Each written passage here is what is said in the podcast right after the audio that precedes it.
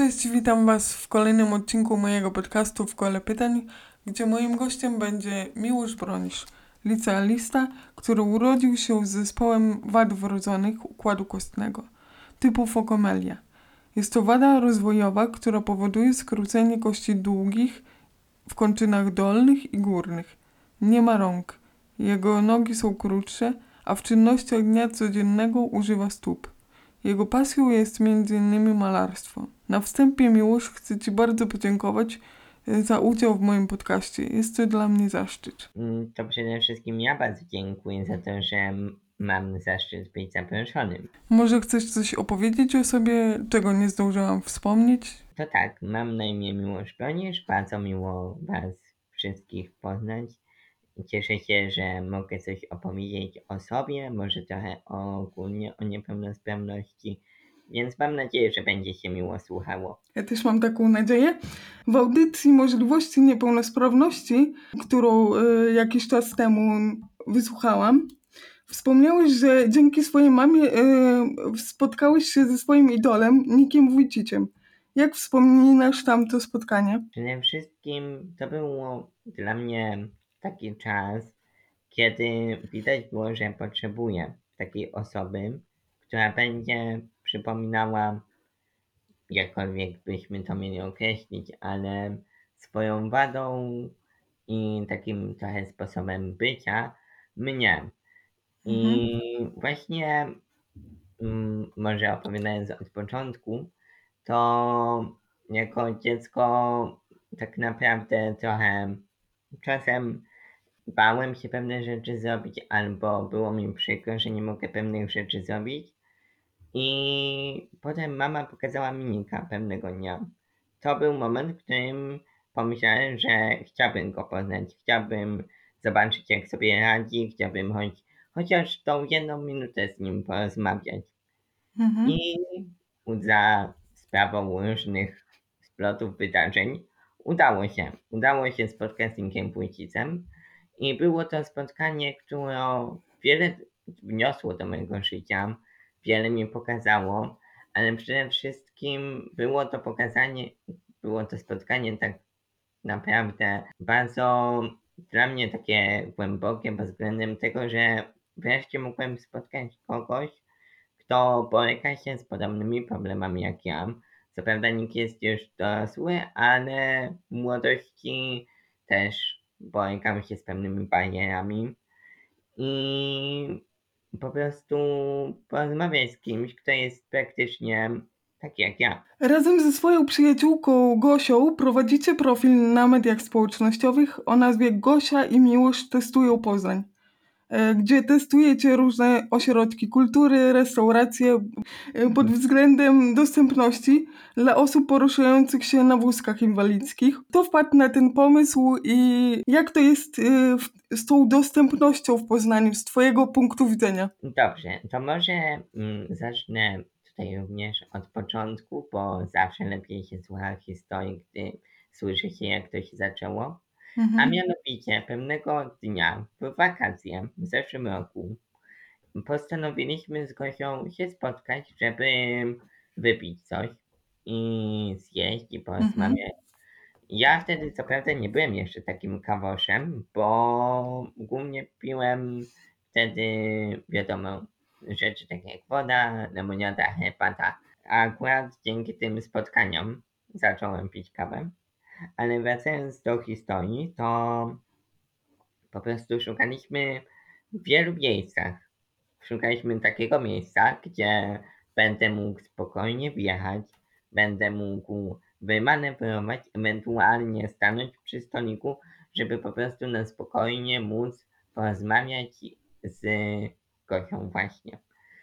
I okazało się, że takowe poszukiwania zajęły nam prawie dwie godziny. I w sumie to po takim dłuższym chodzeniu doszliśmy do wniosku, że no niezbyt fajnie, że tak mało jest kawiarni, które, do których mogę wjechać, albo które po prostu no, są tak dobrze dostosowane pod osoby niepełnosprawne. Mhm. I Gosia opowiedziała to w swoim domu.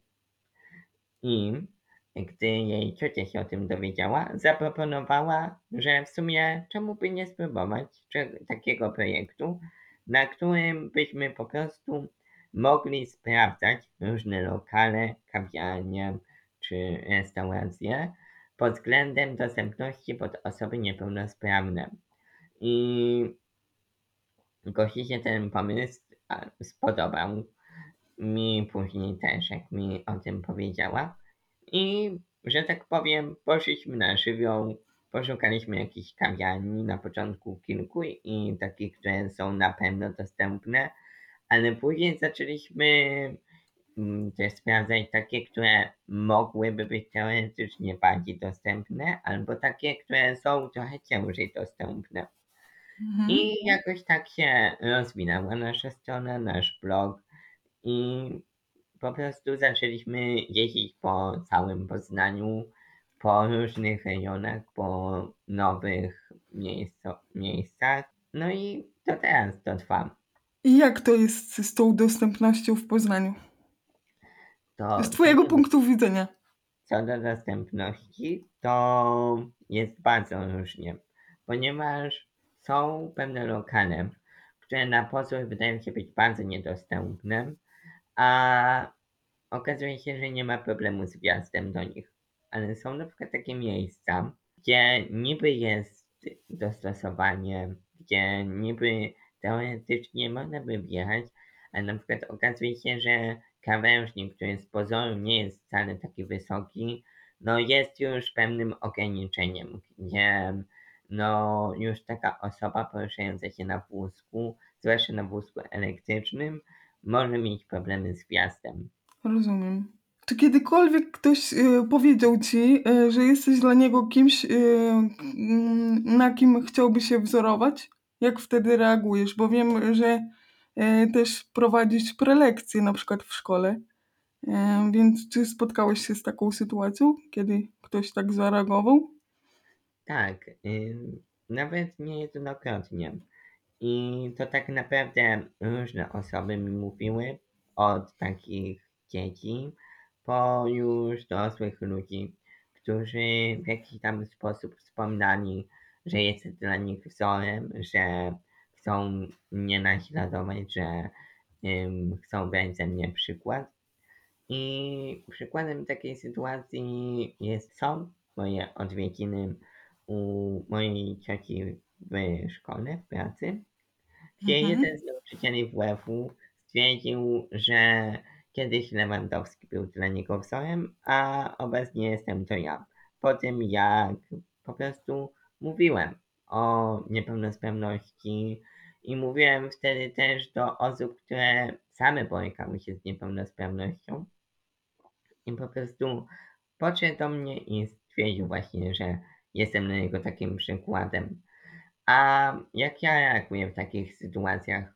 Zawsze staram się że pokazać, że doceniam to, że ktoś to mówi, bo jest to naprawdę miłe, ale też zwracam, nie wiem czy zwracam, ale ym, po prostu pokazuje, że tak naprawdę to ja po prostu jestem człowiekiem i że owszem, fajnie, że ktoś bierze ze mnie przykład, ale jeszcze fajniej, gdy po prostu tacy ludzie są, że to po prostu jest mój sposób życia i no muszę sobie jakoś poradzić. Tak, rozumiem. A ym, co byś powiedział e, dla osoby niepełnosprawnej, która wie, że czegoś nie może zrobić i nie może sobie z tym poradzić, że ona chciałaby to zrobić, a jednak nie może?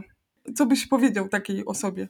To zależy o jakim, o jakiej formie wyrazu nie może. Mówimy tutaj, czy ona uważa, że nie może, czy faktycznie jest to dla niej niemożliwe. Mi chodzi właśnie, e, że faktycznie nie może. Nie może się z tym pogodzić. To u mnie akurat, bo wiadomo, że każdy jest innym i, i każdy funkcjonuje na swój własny sposób. Ja sam mam świadomość tego, że nie zawsze wszystko będę mógł, ale całe życie byłem uczony tego, aby szukać różnych rozwiązań.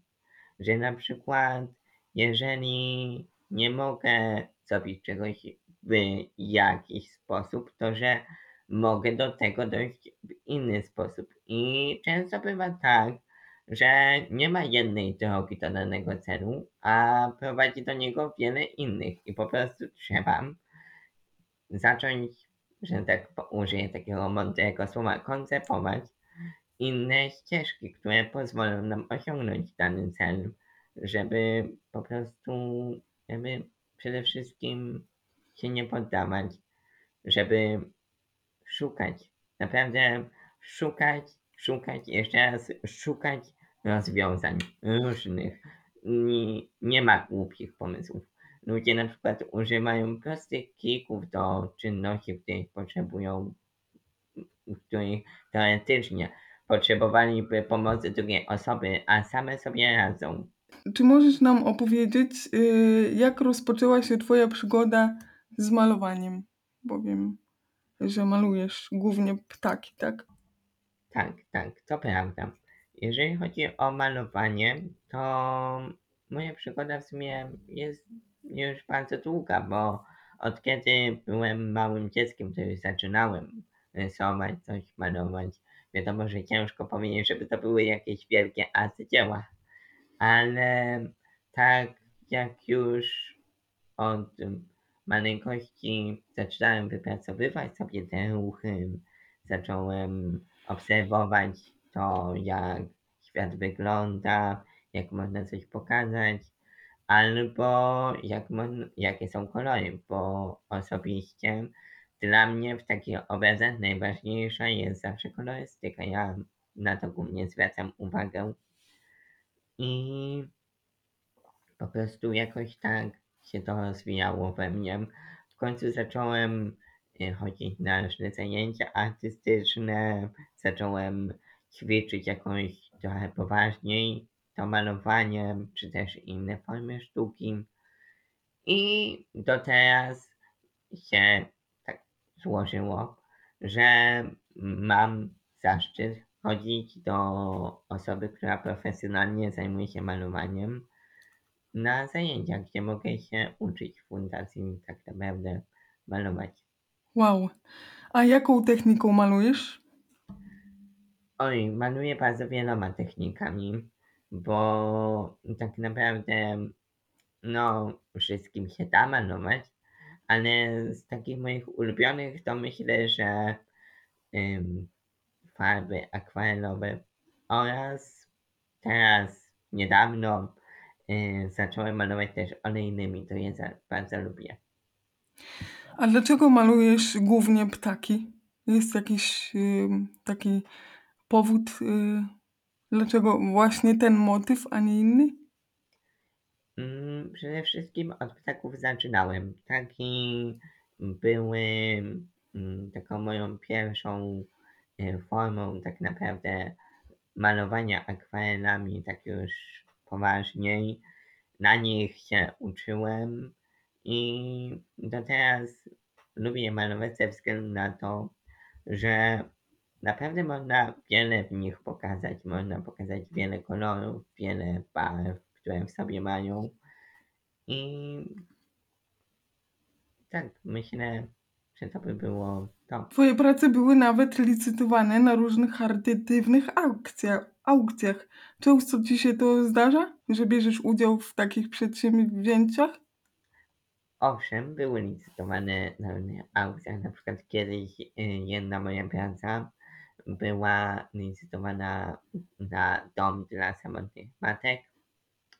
I czy często mi się zdarzają takie aukcje? Teraz to już szczerze mówiąc różnie, bo mm, zazwyczaj dostawałem jakieś zaproszenie do takiej aukcji, a ostatnio już jakoś tak rzadziej biorę w nich udział, ale za to za częściej powstają wernisaże z moimi pracami, czy jakieś wystawy, gdzie mogę się pokazać. Głównie w Poznaniu, czy też y, ogólnopolsko? Głównie w Poznaniu, ale na przykład niedługo będę na wystawie prezentował swoje prace w Mosinie. To już jest trochę dalszy rejon. Mhm. Mam nadzieję, że kiedyś będzie już taki ogólnopolski zasięg. Tego ci życzę. Czy jest e, coś, o czym marzysz, ale boisz się ze względu na swoją niepełnosprawność, że ci się to mm, nie uda? Właśnie ja już jakiś czas temu, można powiedzieć, że nawet trochę dawno, nauczyłem, nie wiem jak to powiedzieć, tak, zaakceptowałem, zaakceptowałem to, jak jestem. I szczerze mówiąc, sam czasem zapominam o tym, że jestem niepełnosprawnym i że czegoś nie mogę zrobić. I bywają takie sytuacje, że trzeba mnie ściągać po prostu na ziemię, bo, bo ja już chcę coś robić, coś chcę gdzieś jechać, coś, coś zdziałać, a tutaj się okazuje, hej, poczekaj chwilę, przecież trzeba pomyśleć nad tym, nad tym, nad tym, nad tym i nad tym. Więc, że tak powiem, mm, nie jestem już zbytnio ograniczony przez własną niepełnosprawność, ale czy są marzenia? Mm, wiadomo, jak każdy uczeń, chciałbym pójść na studia i tutaj akurat myślałem o psychologii i co prawda nie jestem jakoś bardzo przejęty tym, że się nie uda ze względu na niepełnosprawność akurat, ale wiadomo, że zawsze jest ten stresik z tyłu głowy, że co jeżeli na przykład nie będzie jakiegoś dostosowania, albo co zrobię, jeżeli coś tam. No, takie sytuacje są nieuniknione. Za, Mhm. Zawsze zdarzy się coś, co ym, będzie pewną formą przeszkody, ale no, z tym trzeba po prostu żyć. Więc ja wierzę w to, że po prostu cokolwiek by się nie działo, muszę do tego celu iść i realizować to, co chcę robić i to, kim chcę być. Ja też interesuję się psychologią i też chciałam iść na psychologię, ale wylądowałam na kryminologii. Myślę, że uda ci się skończyć studia, bo możesz nawet otworzyć własny gabinet i przyjmować w swoim gabinecie. Przecież. To prawda, nie słyszałem takiej propozycji, aczkolwiek na początku chyba lepiej popracować przez chwilę u kogoś. No tak.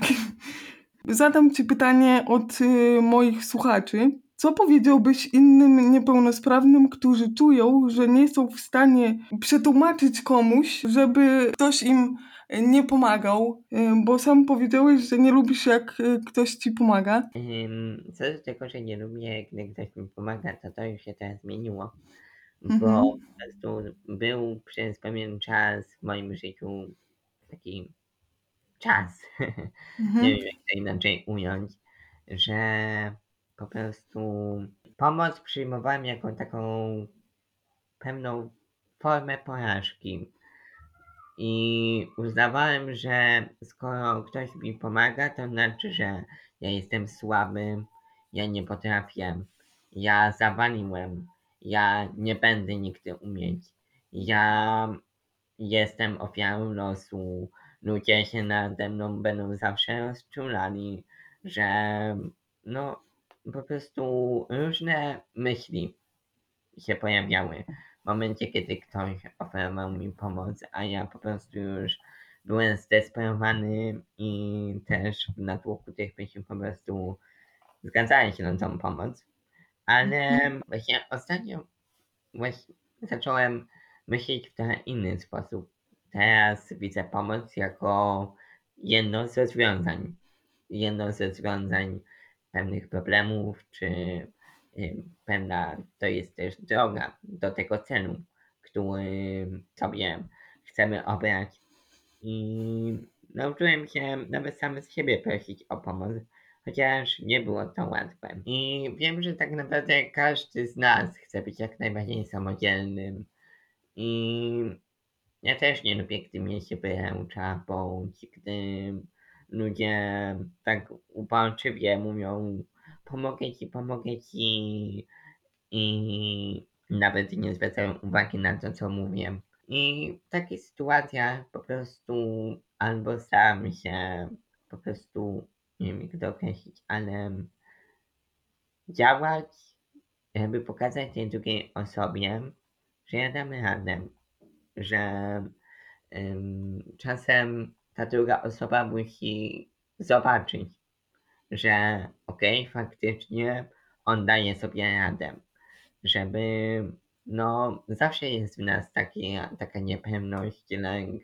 Nawet we mnie się zdarza, jak widzę na przykład inne osoby na ulicy, czy on na pewno da sobie radę, czy nie zrobi sobie krzywdę, albo czy coś się nie stanie. Ale mówię to tutaj też do osób, które mm, akurat są pełnosprawne, y, że tak naprawdę to trzeba mieć zaufanie do drugiego człowieka i trzeba mieć zaufanie do tego, co robi.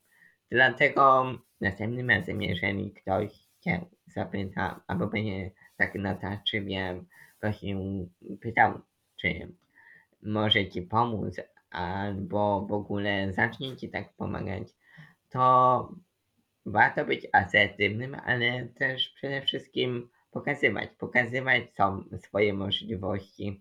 To zawsze warto rozmawiać, bo no też na to teraz się kładzie nacisk, czyli na to, że rozmowa i komunikacja międzyludzka, żeby po prostu komunikować pewne sprawy, pewne yy, obawy, wątpliwości, żeby po prostu mówić i pokazywać, że dajemy sobie radę.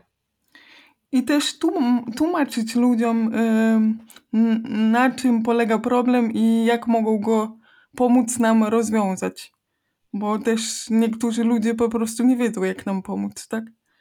No właśnie, bo też takim dosyć często spotkanym problemem jest to, że ludzie popadają w takie dwie skrajności, że jest albo ojej, ojej, jaki biedny, niepełnosprawny, albo jaki on jest smutny, na pewno musi mieć bardzo ciężko i takie wręcz ubolewanie nad tym.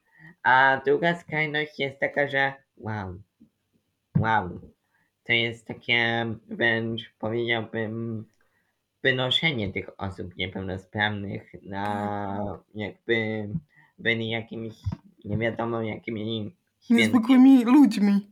A tak naprawdę wszystko sprowadza się do tego, że osoby z niepełnosprawnością, niezależnie jaką, są zwykłymi ludźmi i powinniśmy ich traktować jak zwykłych ludzi. Przecież no na przykład do nie, nie podejdzie nikt do osoby, która y, sama, nie wiem, weszła na schody, a potrafi sama chodzić, powiedzmy, jest pełnosprawna i nie powie wow, tam będziesz na schody, ale jesteś dzielny. Jakby, to jest normalne, that's the life. Tak, tak. Gdybyś mógł zmienić trzy rzeczy w swoim życiu, to co by to było? To jest stosunkowo ciężkie pytanie. Od słuchacza.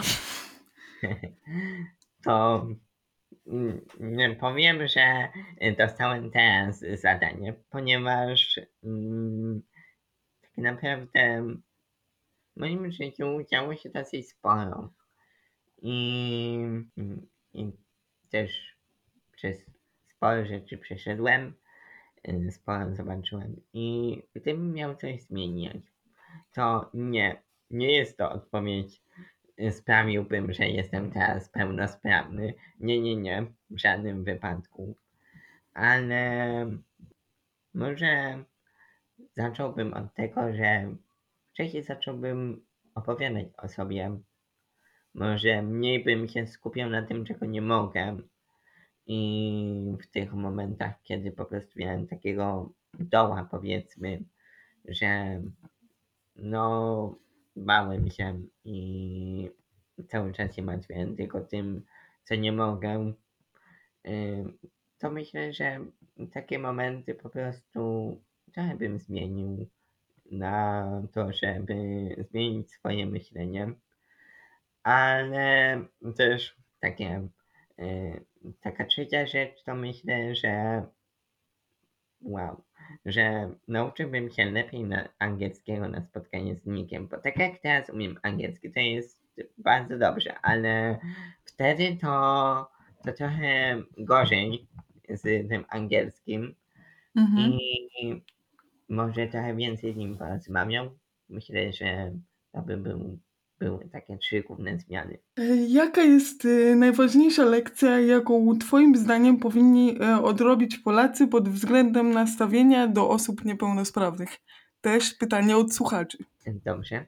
To jest właśnie ta sprawa, o której mówiłem wcześniej, czyli że żeby nie demonizować, że tak powiem, tej niepełnosprawności, ale też jej nie ubóstwiać, tylko traktować jak zwykłego człowieka, żeby po prostu takie osoby nie, nie robić aż takiej barier międzyludzkich, między różnymi osobami, żeby po prostu traktować jak normalnego człowieka.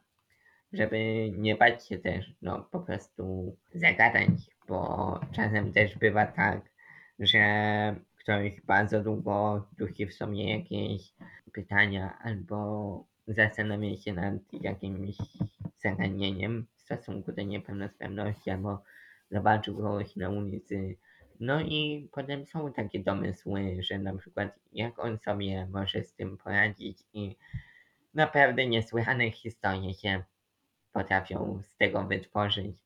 Ale taka naj, naj, naj, naj, naj, najważniejsza lekcja to by było właśnie, żeby traktować jak zwykłego człowieka. O czym według Ciebie e, zapominają e, niepełnosprawni e, i jakiemu tematowi powinni się poświęcić więcej uwagi po prostu? Hmm. Słuchałem różnych osób z niepełnosprawnością i każda z nich tak naprawdę mówiła o czym innym na swój własny sposób. I tak naprawdę nie wiem, czy są jakieś tematy, które są jakoś umniejszane bądź bagatelizowane przez osoby z niepełnosprawnością, bo akurat mm, cechą taką wspólną osób, które borykają się z jakimiś niepełnosprawnościami, jest to, że my mamy głos i my chcemy tego głosu używać, żeby mówić o sobie, o tym, co nam nie pasuje, o tym, co nam pasuje i że po prostu my chcemy być głośni. Też tak sądzę. Wiemy, że też lubisz podróżować. Czy jest jakieś miejsce, w którym byś się chciał czasami przenieść i zamieszkać y, tam na stałe? Może zabrzmi to jak banał albo jak jakaś, nie wiem, wymyślona historyjka, ale kiedyś przyśniła mi się Macedonia i jakoś tam, nie wiem skąd nawet widziałem, że to Macedonia, ale mm, właśnie chyba w to miejsce chciałbym najbardziej tak pojechać, zobaczyć. A byłeś kiedyś y, już za granicą? Za Ym, granicą samą w sobie byłem, owszem. Byłem w Niemczech, byłem w Chorwacji. A jak pod względem dostępności w tych krajach? Widzisz jakieś znaczące różnice pomiędzy Polską a tymi krajami? No, wiadomo, że jest takie powiedzenie, co kraj to obyczaj. I różne jest też nastawienie w różnych miejscach do osób z niepełnosprawnością. I, ale akurat w te, tych miejscach, gdzie ja byłem, nie było nigdy za bardzo problemu z tą dostępnością, z jakimiś, mm, jakimiś udogodnieniami. Więc myślę, że tutaj mogę ze spokojem powiedzieć, że w każdym kraju, a przynajmniej w tym, któ- tych, w których ja byłem, nie miałem zbytnio problemów, żeby gdzieś się dostać. Czy możesz polecić y, nam, słuchaczom, bo nie wiem, czy czytałeś mojego bloga, to często też recenzuję książki. Mm, jakąś swoją ulubioną książkę lub to, co ostatnio przeczytałeś? Co do tego, co ostatnio czytam, to można powiedzieć, że to mm, je- jest bardzo ciekawa literatura, ale może nie wszystkie interesuje, bo ostatnio czytam książki stricte psychologiczne I na przykład ostatnio czytałem psychologię społeczną. Em, ale jeżeli miałbym wrócić, to miałbym się cofnąć w czasie, to pamiętam, że bardzo lubiłem książki Jonathana Oxioł i że naprawdę bardzo się w nie wciągałem i wręcz uwielbiałem je czytać. Z tym, że one są książkami z rodzaju fantastyki i też można powiedzieć, że też są w sumie trochę psychologiczne i mają w sobie jakieś takie drugie dno. Jeśli chodzi o psychologię, to jaki obszar Cię w niej interesuje najbardziej? Właśnie co do specjalizacji, to jeszcze nie jestem pewien, Mhm. Aczkolwiek najmocniej zastanawiam się nad psychologią kliniczną i ludzie różni mówią, że to jest jeden z ty tych trudniejszych, jak nie najtrudniejszy kierunek psychologii, bo tak naprawdę zawiera w sobie wszystko, ale ja jestem dosyć ambitną osobą. Czasem nie wiem, czy moja ambicja mnie nie kupi, ale no tak myślę, będę celować w tą kliniczną jednakowość, bo ja chcę jak najwięcej z ludźmi pracować, jak najwięcej po prostu móc pomagać i jakby to jest taki mój główny cel w psychologii. Ja ja głównie idę dlatego, że czuję, że jestem po to, by pomagać ludziom, że nie jestem po to, żeby z nimi rozmawiać. Mm, To jak Cię słucham, to mam wrażenie, że słucham siebie, bo też się interesuję właśnie psychologią kliniczną. Może jeszcze mi się uda e, skończyć psychologię, chociaż mam 31 lat, ale wszyscy No, mówią, że jeszcze nigdy nie jest za późno. No właśnie. Rozmawiamy o kwestii edukacji, prawda? Jak jest w Twoim liceum? Czy jest ono przystosowane? I jak e, kształtowały się reakcje e, ludzi i też nauczycieli, kolegów, koleżanek, którzy widzieli Twoją niepełnosprawność? W szkole, w chrześcijańskiej szkole, szkole Dawida jestem już od czwartej klasy.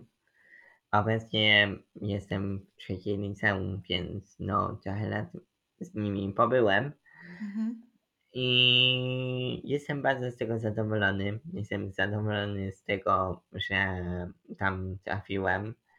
I w kwestii, może po kolei, w kwestii dostosowań, to y, obecnie jesteśmy w nowym budynku licealnym i tam akurat ja daję sobie radę, ale to dlatego, że tak naprawdę wózka używam tylko po to, by przemieszczać się po mieście czy na jakieś dystanse, a wiem, że są osoby, które takowych wózków potrzebują na 24 godziny, czyli na cały czas. Mhm.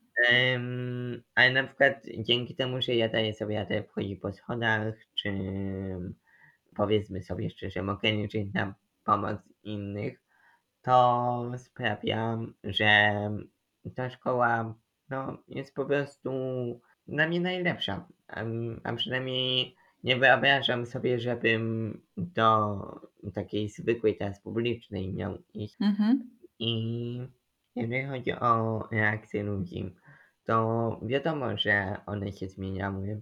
Na początku ludzie się patrzyli, czy ym, od razu mieli sobie taki odruch tego, czy ojej, czy on sobie poradzi, albo czy może ym, powinienem mu pomóc, powinnam mu pomóc. Ale to bardzo szybko minęło. Nauczyciele nie mieli wobec mnie praktycznie żadnej taryfy ulgowej i ja o taką nawet nie prosiłem, bo no powiedzmy sobie szczerze, jestem naprawdę upartą osobą i akurat wtedy uparłem się na to, by być samodzielny, więc no można sobie wyobrazić, jak to mogło wyglądać. Tak. Yy, tak, właśnie nie miałem właśnie żadnej taryfy takiej ulgowej, czy na spełniane zawsze na przykład y, pi- piszę, y, mam tak, tyle samo zadań co inni.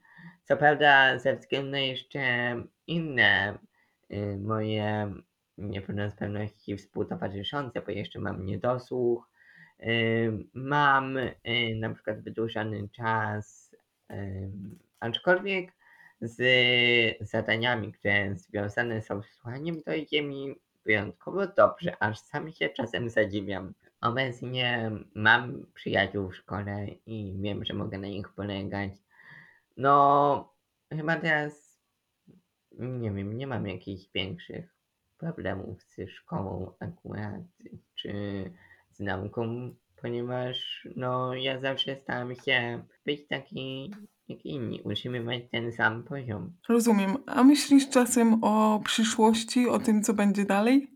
Y, Już wybiegając trochę, mm, bo wiem, że chciałbyś studiować psychologię, ale o kwestii radzenia sobie w, w codziennych sprawach. No niestety jestem osobą, która dużo myśli. I To tak jak ja. Tak, i można powiedzieć, że aż za dużo. Po angielsku jest takie stwierdzenie over, overthinker. Mhm. To ja myślę, że taką osobą jestem. I nie wiem, jakim cudem tak dużo myślę, a jednocześnie jestem aż tak mm, improwizujący, że potrafię iść naprawdę na żywioł momentami, ale sporo też myślę o swojej przyszłości i mam nadzieję, że będę mógł na przykład się wyprowadzić, bo chciałbym spróbować jednak tego życia samemu, Mhm. bo doceniam to, że mam pomoc w domu, mam mamę, która zawsze mnie wspiera, czy brata Błażeja. Ale jednak chciałbym spróbować zasmakować tego życia tak naprawdę w samodzielności. I no wiadomo, każdy chciałby znaleźć też swoją prawdziwą miłość itd. itd. Jestem tutaj wyjątkiem. Tak, tak. Em, ale właśnie w kierunku tej jak największej samodzielności w życiu chciałbym się kierować. W sensie iść. Czego ci życzyć y, na koniec naszego wywiadu? To też jest y, pytanie z gatunku tych trudniejszych, ponieważ jestem osobą chyba dosyć skromną, aczkolwiek jak, jak tak się mówi, to nie brzmi to wcale skromnie i dobrze o tym wiem. Ale czego można by mi życzyć? To może nie czego można by mi życzyć, ale czego można by życzyć każdej osobie, która boryka się z jakimiś trudnościami, problemami, z jakimiś przejściami, czy z trudnymi momentami. Myślę, że takim osobom można by życzyć, żeby po prostu były wytrwałe w tym, co robią, żeby się nie poddawały, żeby szukały właśnie tych nowych rozwiązań. I wiem, że to może brzmieć tak jak takie optymistyczne gadanie, ale no taka jest prawda, że najważniejsze jest to, żeby iść dalej, żeby się nie poddawać, żeby, żeby jak się zatrzymujesz, to tylko na chwilę.